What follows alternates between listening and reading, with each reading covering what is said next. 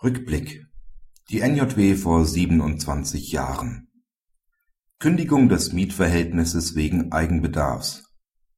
Bis zum Inkrafttreten der Schuldrechtsreform am 01.01.2001 gab es noch den Rechtsentscheid für Wohnraummietsachen anstelle des allgemeinen Rechtsentscheids Rechtsbeschwerde ein Landgericht war danach verpflichtet, vor Erlass einer Entscheidung in Wohnraummietstreitigkeiten dem im Rechtszug übergeordneten OLG den Rechtsstreit vorzulegen, wenn es in einer Rechtsfrage von einer Entscheidung des BgH oder des OLG abweichen wollte oder wenn die Rechtsfrage grundlegende Bedeutung hatte und ein Rechtsentscheid dazu noch nicht ergangen war.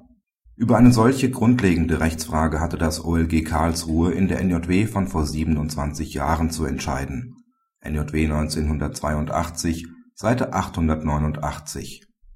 Kann das eheähnliche Zusammenleben des Sohnes mit einer Lebensgefährtin und deren beiden nicht von ihm stammenden Kindern einen berechtigten Eigenbedarf begründen? Kann es, entschieden die Richter und begründeten dies mit dem Wandel der gesellschaftlichen Anschauungen hinsichtlich eines eheähnlichen Zusammenlebens.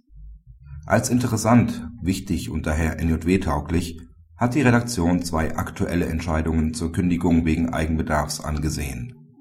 Einmal geht es darum, inwieweit die Rechtskraft eines Räumungsurteils wegen Eigenbedarfskündigung einer neuen Räumungsklage entgegensteht Seite 1139.